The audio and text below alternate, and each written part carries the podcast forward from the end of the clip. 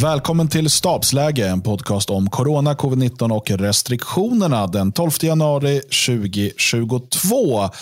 Vi ska prata restriktioner och varför man inför restriktioner i det här läget. Och vi kanske ska börja med att ge lite bakgrund eh, till varför vi ska prata om det. Förresten, jag heter Dan Eriksson. Eh, vad heter du som jag pratar med? Eh, jag heter Magnus Söderman och eh, jag är frisk. Hur mår du Dan? Fortfarande frisk. Eh, mm. Jag kan ju också säga att jag, jag följer väldigt många av Folkhälsomyndighetens råd eh, utan att de behöver ge mig de råden. Jo. Alltså, jag jobbar ju hemifrån. Mm. Jag bor dessutom på landet. Jag träffar ju fler. Alltså, jag tror idag har jag nog inte idag, för nu är det, nu är det liksom kallt och sådär. Men normalt sett träffar jag fler kor och får än jag träffar mm. människor när jag går så ut här. Risken att du får mul och klövsjuka är således större än att du får omikron. Ja, alltså visst, jag går ju också till butiken då och då. Eh, mm. Träffar någon kompis då och då. Och jag befinner mig ju i Tyskland för tillfället, så jag får ju inte göra någonting heller. Men generellt sett, eh, när man bor så här fint på landet, eh, och det är lugnt och skönt, det är inte så att man åker in till stan för att gå på krogen heller när man är 40 och småbarnsförälder.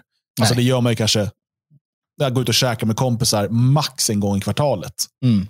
Eh, och träffas ja. upp för någonting. Så att jag, ska jag bli smitt, jag kommer säkert få, om jag inte redan haft då, någon av de här varianterna. Men eh, ja, jag är inte speciellt rädd för det. Frisk är jag i alla fall. Det är bra det. Eh, och det är inte tack vare restriktionerna. Nej. Tror jag. Det.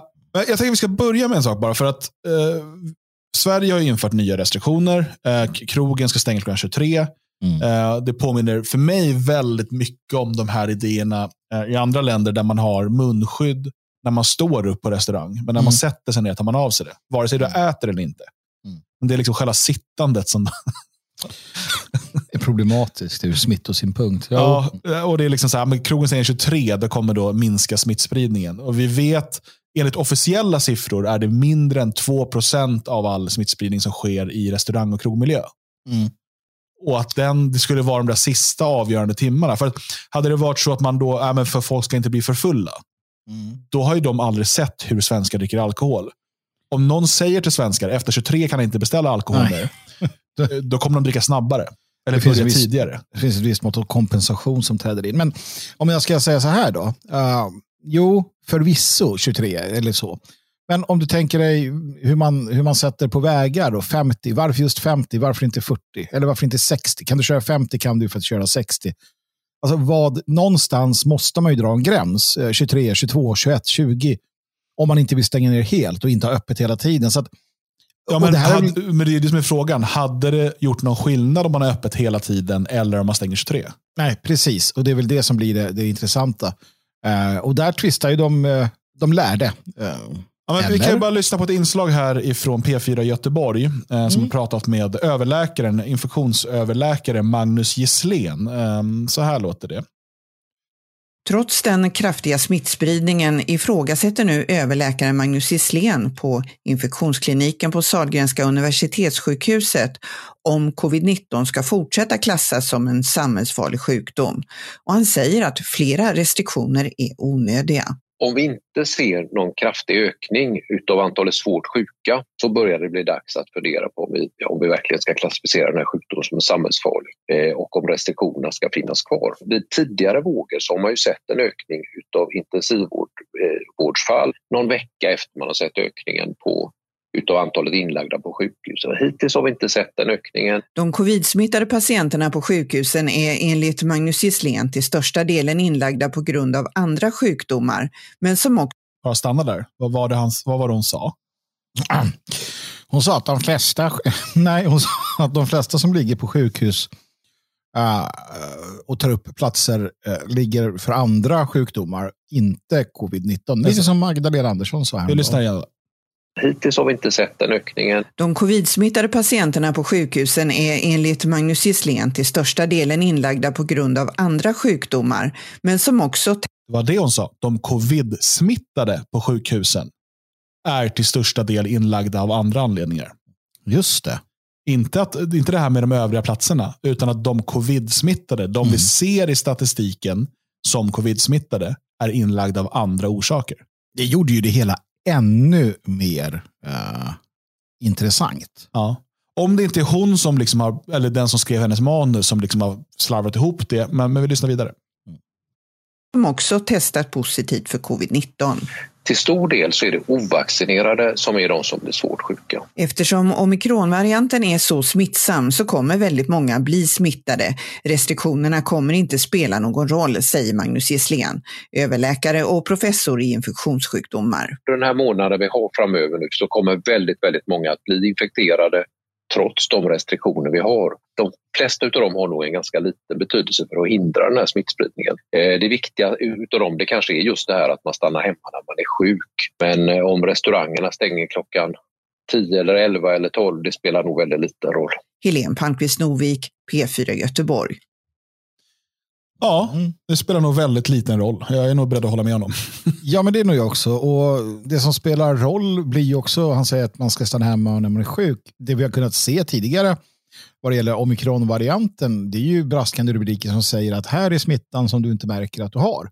Mm. Faktiskt har jag sett det. Jag har sett andra som säger att man nyser lite och sådär. I, I vissa fall, som han också tar upp det, så kommer det leda till allvarlig sjukdom. Och det, det äh, naturligtvis så, så definierar man inte detta, men återigen så vågar jag väl hävda jag såg också att det hade kommit ännu fler rapporter från USA där det räckte tydligen inte statistiskt sett att ha en av de här, uh, de här riskkategorierna. Alltså det räckte inte att, att bara ha högt blodtryck eller bara ha diabetes. Eller ba de flesta som råkade riktigt illa ut, de hade fyra.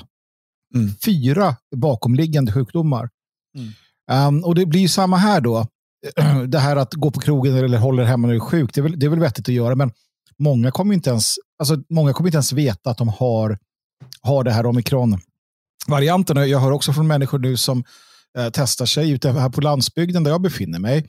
Så är det fem dagars väntetid. I Stockholm var det typ en dags väntetid på att få, få svar. Och det här kommer att bli ännu värre ju mer man testar. För det har man ju fått någon riktig sån här eh, rage efter att göra. Det ska testas här med tusen hela tiden. Mm. Ja, och sen det, verkar det också vara så att um, kort efter eh, man har tagit eh, sprutan, vare sig det är den andra eller tredje, så har man ett ganska eh, bra skydd mot att utveckla allvarlig sjukdom. Mm. Det, det, verkar stämma överens med den data vi kan se. Alltså allvarlig sjukdom av covid-19, sen kan man utveckla en massa andra sjukdomar. Och det, oh ja. det är väl, det är väl diskussion för ett annat program. Men du, under den här perioden då så är det, du kan ju fortfarande bära på viruset och sprida det. Mm. Men du har mycket färre symptom. Mm. Vilket betyder att de som är som det som kallas för vaccinerade mm. eh, kan i högre utsträckning gå runt och sprida viruset utan att vara medvetna om det. Mm. Eh, det är större risk för en ovaccinerad att utveckla någon typ av symptom, eh, verkar det som. Mm. Vilket gör att egentligen borde ju de här, om man ska ha vaccinpass, borde det vara tvärtom. Mm. Alltså att vaccinerade, de kan ju sprida smittan utan att veta det, så de borde mm. inte få komma in där det är mycket folk. Okej, okay, det är ett skämt, jag tycker inte att det ska vara så, men logiken, liksom, den, den haltar. Ja, men det där har vi varit inne på tidigare också. Jag menar, det, det är dels det, det, den, det, det är som du säger, logiken haltar ju fullständigt där. Eh, om det nu är de, de förväntade, om det är den förväntade resultat som vi ser just där. Men det är också det som vi har varit inne på tidigare riskbenägenhet. Är du vaccinerad tre gånger, två gånger, då, då tar du fler risker. Det, det, är, det är uppenbart. Mm. Uh, för att tittar man på vad de säger och skriver så är det som så att de, de, de hävdar då, är du de här som har, har vacciner, vaccinerade uh, och har fått det här covid-passet, de säger så här, men, och så blir det restriktioner igen. De blir vansinniga för de vill gå på de, de, vill gå på festivalerna, de vill gå och trängas. De vill så här, du, ingen ska ta det härifrån mig, jag har gjort, det, jag har gjort min plikt. Mm. Det vill säga att jag tänker så här, jag är ovaccinerad, men jag tänker så här, jag tar det, uh, jag tar det lite lugnt. Jag går inte till stora folksamlingar. Jag håller mig liksom lite avstånd från människor. Uh, nu ska vi säga att det här är ju ditt helt normala liv du beskriver. Jo, det är samma, samma sak där. Men, men, men eh, det, alltså så här, jag är vaccinerad mot mässlingen och allt vad det där heter, stelkramp och så. Mm. Men, men det får ju inte mig att, i mitt fall så är jag ju så pass försiktig att skulle jag träffa någon som har mässlingen så skulle jag hålla mig borta från det. Men det känns som att så här, nej men jag har blivit lovad att har jag tagit sprutorna då kan jag inte få covid. Bra, då ska jag ut och röra på mig så fort jag kan. Liksom. Så att, någonstans där så är det ju fullt förståeligt med restriktionerna också för de som har tagit sprutorna, för att deras riskbeteende skiljer sig markant från, från, eh, från de som är ovaccinerade. Det tror jag. Jag tycker vi ska ta bort alla restriktioner. Men vi, ja, det, det är ju det kommer väl lite slut. Men, men eh, en annan intressant sak, för vi frågar oss här nu, varför inför man restriktioner nu? Och vi kommer komma till det. Mm. Eh, men en annan då bakomliggande sak där som, som får en att fundera, det är ju självaste Bill Gates uttalande på Twitter ja. igår, den 11 januari. Ja, det är oerhört. Alltså det är oerhört, eh, måste jag säga. Vad är det han, eh, vad är det han säger här på, på Twitter, Magnus? Han konstaterar ju då, och det här är alltså den, en av the grand old uh, man vad det gäller hela den här nedstängningen och, och allting. Och han säger så här helt enkelt. Jag citerar då från hans eh, Twitter. As countries experience their Omicron wave, health systems will be challenged. Most of the severe cases will be unvaccinated people. Once Omicron goes through a country, then the rest of the year should see far fewer cases, so covid can be treated more like seasonal flu. Alltså, han lägger grunden för att vi inom kort, alltså vi pratar kanske då januari, februari, de vanliga så här vab-månaden och sjukdomsmånaderna. Efter det så är eh, covid en eh, säsongsinfluensa, eh, ingenting ord om. Eh, den kommer inte, kommer inte vara en pandemi utan någonting annat. Och och det här säger Bill Gates och lägger grunden för detta. Han drar öronen åt sig, kort sagt. Ja, och eh, det han menar är ju att eh, omikron är så pass smittsamt så att typ alla kommer få det. Mm. Eh, så att, eh, och han säger i nästa, eh, nästa tweet, omikron will create a lot of immunity. Mm. Och sen lägger han till at least for the next year. Mm. Um, och så det han konstaterar är att den här som ju dessutom verkar vara väldigt mild. Och enligt honom då så är det framförallt de som inte tagit sprutorna som kommer kunna riskera att utveckla svår sjukdom. Mm. Eh, så pass mild eh, och den kommer ge så pass bra immunitet att vi kan börja betrakta det så som vi betraktar säsongsinfluensa. Mm. Eh, och det här, eh, återigen, då frågar man sig, okej, okay, vi har en variant som enligt officiell Eh, kommunikation är väldigt, väldigt mild mot de som har tagit sprutorna. I Sverige mm. har över 82 procent av befolkningen över 12 år tagit sprutorna. Mm. Uh, och uh, Väldigt många av de som inte har tagit sprutorna är inte i riskgrupp. Det ska man också mm. lägga till. De här 18 procent som återstår mm. är framför allt yngre uh, och framför allt liksom människor som inte är i riskgrupp. Mm. Så vi pratar här om kanske nå, alltså, om man då ska vara lite schysst mot dem, några procent av befolkningen som riskerar att ens behöva sjukvård om de drabbas av det här. Mm. Eh, alltså riskerar att behöva sjukvård, inte som kommer att behöva sjukvård. Nej. Eh, och Det stämmer ganska bra med siffrorna också. När man kollar då på Svenska intensivvårdsregistret och där har man ju då antal som intensivvårdas med covid-19 per dag. Inte av, inte för covid-19. Nej, låt oss bara konstatera då, att nu är det okej okay att säga så. Ja. För några månader sedan, kommer ihåg, det var inte okej okay att säga med. Det var så här att eh, det säger ni, alltså ni som gillar covid, ni som är eh, liksom dumma i huvudet, ni, mm. ni använder det där med. Nu är det, nu är det det nya, med covid, inte av, med. Mm. Hade det varit så hela tiden, tänk hur det hade sett ut då. Ja, eh, och dessutom när man då som i Danmark, då, där, konstaterade, där pratade man om att i höstas var det 26 procent eller 24 procent något sånt, eh, fall som var då egentligen något helt annat. I Tyskland har man kommit fram till ännu större siffror. Ja. Um, så att, men, men vi, vi får gå på den statistik vi har helt enkelt. Mm. Och Det är de som insovades med covid-19 per dag. Eh, och Den senaste siffran eh, från eh, idag, eh, den 12 januari, är 101 personer. Mm. Igår var det 105. Mm. Innan det var det 102 och så vidare. Vi hade en topp, det mest i år var den 3 januari. Då var det 121 personer. Mm. Så vi är eh, 20 personer färre, eller nästan då 20 procent. Eh, från 121 till 101 personer eh, är förändringen de första 11, 12 dagarna i januari. Mm. alltså, eh, och det är det som eh, överläkaren från Göteborg där är inne på. att men det finns ingen, alltså, inte så han säger, men, men så som jag tolkar det, så här, det finns ingenting som tyder på att omikron-varianten eh, är att klassa som en samhällsfarlig sjukdom. Nej, Nej precis.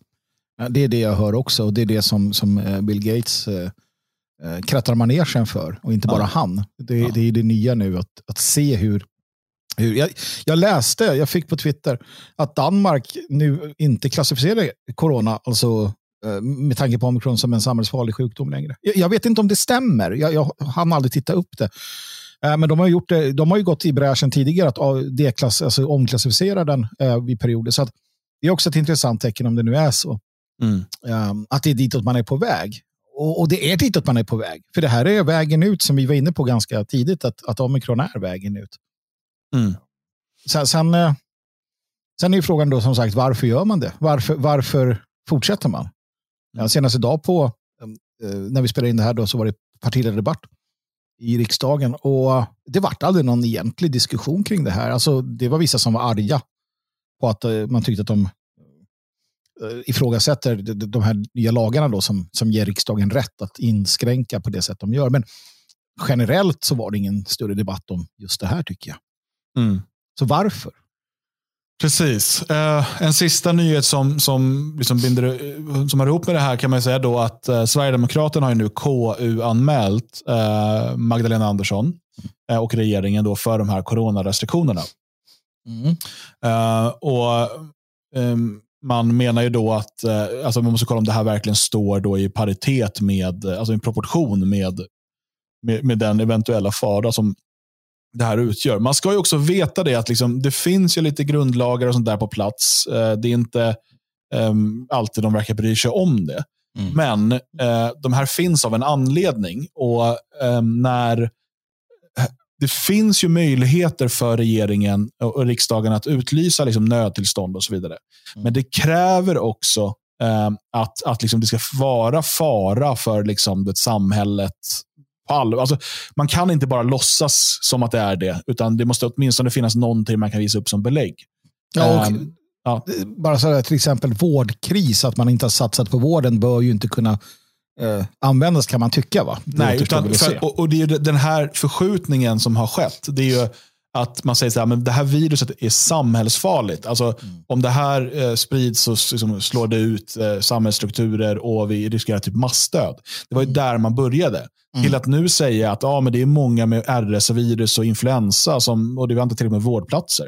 Mm. Nej, precis. Um, och, och därför då menar Sverigedemokraterna KU-anmäler. Jag skulle säga att Sverigedemokraterna också KU-anmäler för att det är valår. Um, Självklart. Sverigedemokraterna tillsammans med moderater och, och det här så kallade konservativa blocket har ju hela tiden ropat på hårdare nedstängningar och så vidare. Ja, de hade, hade de fått sin vilja igenom, då hade vi haft lockdown. Då hade vi haft eh, kanske tvångsvaccinering eller något åt det hållet. Mm. Um, det är värt att komma ihåg. Det är ju trots allt valår. Ja. Så eh, det, eh, så det är valår och så vidare. Och det, det, kanske blir vår räddning att det är valår på ett sätt. Mm. Mm. Ehm, även om den stora räddningen kanske också heter eh, omikron. Men så okej, okay, varför? Varför inför man då restriktioner? När Eh, liksom Bill Gates, och jag menar, visst Bill Gates sa det här igår, men det här är inte, det kan inte komma som några nyheter för Folkhälsomyndigheten. Att man liksom ser på omikron och säger att ah, det här kommer ju liksom spridas i hela befolkningen, det kommer göra många immuna och mm. um, det kommer i stort sett göra uh, liksom, ja, restriktioner onödiga ja. för att folk kommer bygga upp en sån stor immunitet. Så varför inför man restriktioner i Sverige nu? Man skärper restriktioner i Tyskland etc. Dels i Sverige frågan är, är det FHM eller är det eh, regeringen som så att säga, vem, vem, vem är svansen och vem är hunden? Jag är inte så säker på att det är FHM som vill detta utan att det är regeringen som vill visa någon form av...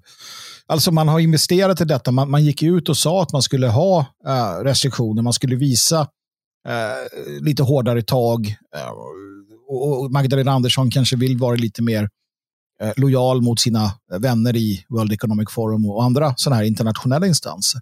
Att det är det som får henne att, att göra detta.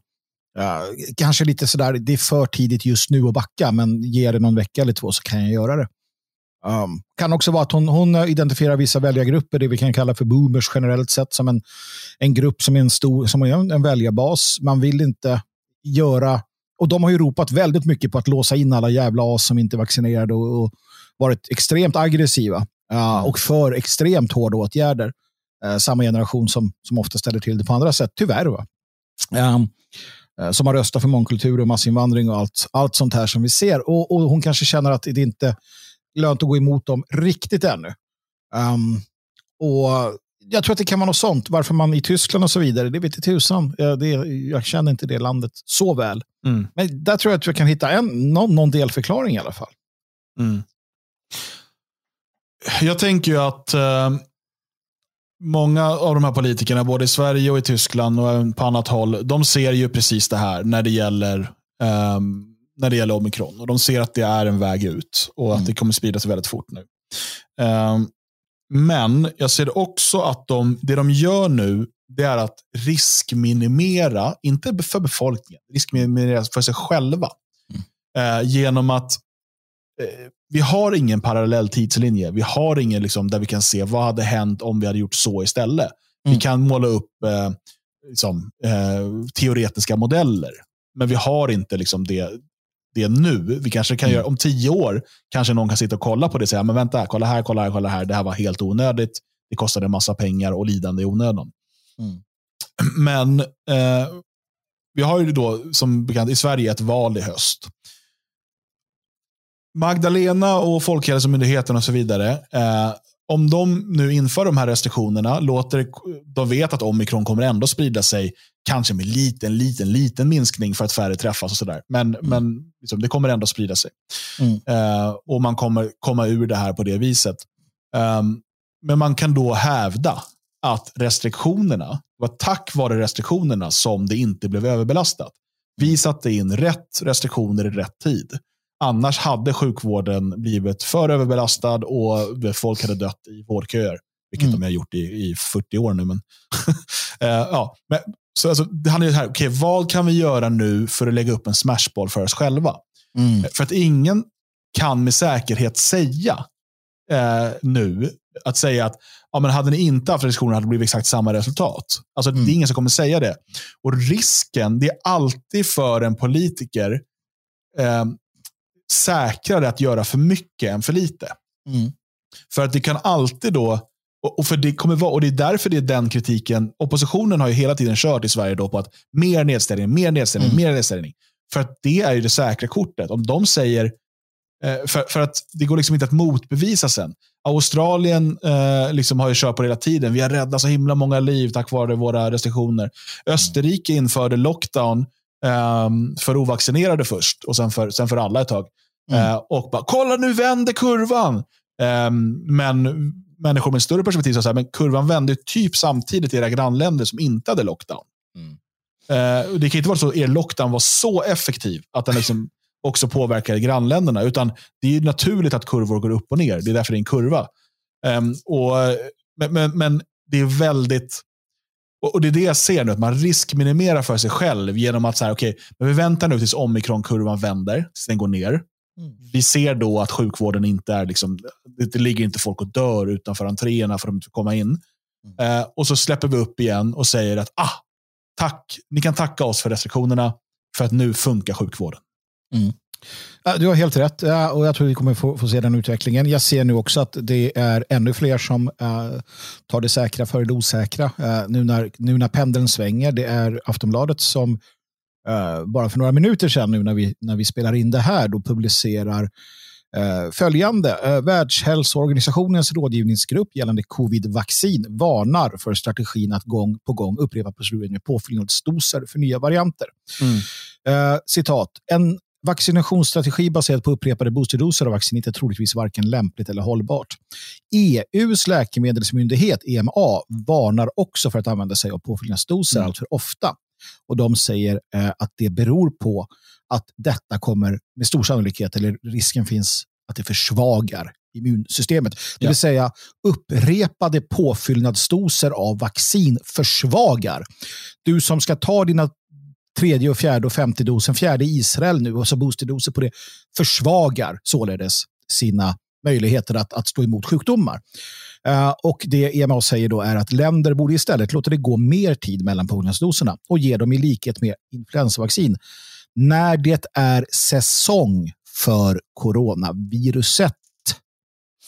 Precis. Uh, mm. Jag såg det här tidigare idag också. Bloomberg skrev om det, att man varnar nu för risken att det här förstör folks, eller ja, uh, försämrar folks immunförsvar. Mm. Och nu har vi inte, uh, det finns ju siffror eh, och, undersökningar som tyder på att immunförsvaret eh, försämras eh, ett antal månader efter eh, senaste dosen. Men inte bara mot covid-19, också, också mot andra sjukdomar. Mm. Och Det här är ju någonting eh, Problemet är så här, vi är mitt inne i det här nu. Det, är väldigt, det finns hur mycket data som helst och många undersökningar. och eh, Det kan finnas motstridiga uppgifter beroende på, och liksom, det är lätt att, att cherry-picka data liksom, och bara välja det som passar det man vill få fram. Mm. Um, och, så det är väldigt svårt att få en helt klar bild nu som, som folk kan enas kring, eh, alltså Mm. i, i någon större utsträckning. Men för eh, i, liksom, det som kommer, för det kommer ju en tid efter den här pandemin, Mm. eh, eller vad vi nu vill kalla den. Eh, och eh, Det kommer ju, alltså, om inte från etablerat håll, så åtminstone från liksom, alternativa rösters håll, eh, kollas ordentligt på det här. Jag är, är orolig för att, vi pratar nu om att det är mycket folk på IVA, men inte med corona, utan det är människor med eh, andra luftvägsinfektioner till exempel. Mm. Eh, Vi pratar RS-viruset, säsongsinfluensa och så vidare. Jag är orolig för att vi kommer i framtiden konstatera att sprutorna, vaccinet, gjorde att folk blev mer mottagliga för de andra sjukdomarna som de sen hamnar på sjukhus för. Mm. Ehm, och för återigen, de långsiktiga studierna på hur den här, som de själva kallar det, genterapin påverkar oss finns inte. Vi är mitt i den studien. Vi ser nu också rapporter från Frankrike där en person dog kort efter sprutan. Eh, och ingen eh, säger emot att det var en reaktion på vaccinet. Eh, den här mannen tror jag var 42, eller jag kommer inte ihåg exakt. Eh, men han var i alla fall frisk och sådär annars. Men han dog och, och läkarna konstaterar att det var liksom en, en, en bieffekt av vaccinet eh, och även hans försäkringsbolag. Men hans livförsäkring betalas inte ut. För det här var, eh, för det första betalas det inte ut för experimentella mediciner. Nej. Den här medicinen har inte genomgått de som krävs. Så att du har, Mm. och, det har inte varit vaccinplikt. Så det har varit ditt fria val. De klassar det till och med som att de jämställer det med självmord. Mm. Du har frivilligt tagit någonting som du inte vet är säkert för din kropp. Mm. Och då gäller inte din livförsäkring. Det är bara ett exempel ifrån Frankrike. Det kanske, kanske liksom kommer vara att man ändrar det där sen eller vad som helst. Men det finns, alltså, historiens dom riskerar att bli väldigt hård. Och jag är väldigt orolig för att människor som har tagit sprutorna och kanske speciellt de som börjar ta flera stycken ehm, kommer få andra hälsoproblem de kommande, alltså, ja, framöver i livet. Ja, absolut. Och, och Många kommer få bära en tung börda, se om de gör det. Jag tänker på Agnes Wold till exempel som, som skrev att ja, ha, alltså, man ser ganska omgående inom några veckor hur, hur, hur, hur mycket ett vaccin, eh, alltså negativ påverkan av ett vaccin, eh, det vet vi sedan tidigare. Så det är ingen fara. Det hon inte säger att det inte är ett vaccin, det är genterapi. Återigen, det här är inte ett proteinbaserat eh, liksom vaccin av den gamla skolan där du får kanske då reaktioner på en gång. Vi vet ju alla barnsjukdomarna, hur, hur, hur barn kan bli efter vaccin eller Mm. när du har tagit TB eller någonting. Det här är genterapi, det är som du säger, det är experimentellt. Vi har ingen aning om vad det gör och hon har inte det. Eh, och, och, och Hon är mycket, mycket mer utbildad än mig på de här sakerna, men där ljuger hon ju. Alltså, Mm. eh, långtidsverkan på detta vet vi ingenting om. Det är därför som jag förstår att Pfi- Pfizer eller vad de heter har, har, har liksom, eh, det är hemligstämplat i hundra år. Alla möjliga tokigheter som man gör i USA eh, framför allt. Eh, och jag läste också, eller såg någonstans, att man, att man pushar för att det ska eh, tillåtas användas på barn. För att gör det det, då är det, längre, då är det inte längre experimentellt och de är helt fria från all så att säga, framtida skuld. Då är det staterna som tar över det ansvaret. Um, och därför finns det en, en att, att, att de driver på för att just barn ska vaccineras. Uh, och så vidare. Alltså det finns mycket här som är smutsigt i den branschen, Big Pharma, det vet vi sedan tidigare. Men som du säger, uh, jag, jag, är, jag är också, alltså, om, om bara en procent av de saker som ganska insatta människor i den här, alltså vad det gäller vaccin och liknande, säger, bara det stämmer, då, då blir det ju minst svininfluensavaccinet plus lite till. Och, Mm. och det var en skandal i sig. Va? Men, men risken finns ju nu när vi pratar om de, den här typen av, av eh, genterapi att, att det är helt andra saker där. Så att Ja, jag, jag, jag säger inte åt folk vad de ska göra, men, men jag står fast i att uh, jag absolut inte kommer vara delaktig i det experimentet. Nej. Nej, och jag hoppas uh, att, uh, att människor som har tagit sprutorna inte, blir, uh, inte får försämrat immunförsvar. Jag vill bara vara, väldigt noga med det. Jag kan tänka mig att det finns människor som sitter och hoppas på att kunna skrika vad var det jag sa. Nej, det, inte, det är ju knäppt alltså. Men vi talar här om liksom 82 procent av Sveriges befolkning. Och som nationalist tänker jag också, mm. svenskar eh, har i mycket större utsträckning vaccinerat sig än, än utlänningar till exempel. Mm. Um, vi pratar kanske om svenskar 90 procent. Ja. Och, ja, precis, och det är många som har låtit, sina bar alltså, som har låtit ja. barnen vaccineras. Det ser man ju också. Alltså det, det är, nej, jag hoppas verkligen att det är helt oskyldigt och ofarligt det här vaccinet. Jag hoppas att, att det är absolut, att, jag hoppas att det är allt de själva säger att det är. Mm. Ja, men som du, som du också är inne på där så, nej. Ja, eh, men så varför tror du att de inför restriktionerna? Eh, lämna gärna en kommentar under det här avsnittet på radiosvegot.se. Se också till att prenumerera på Stabsläge.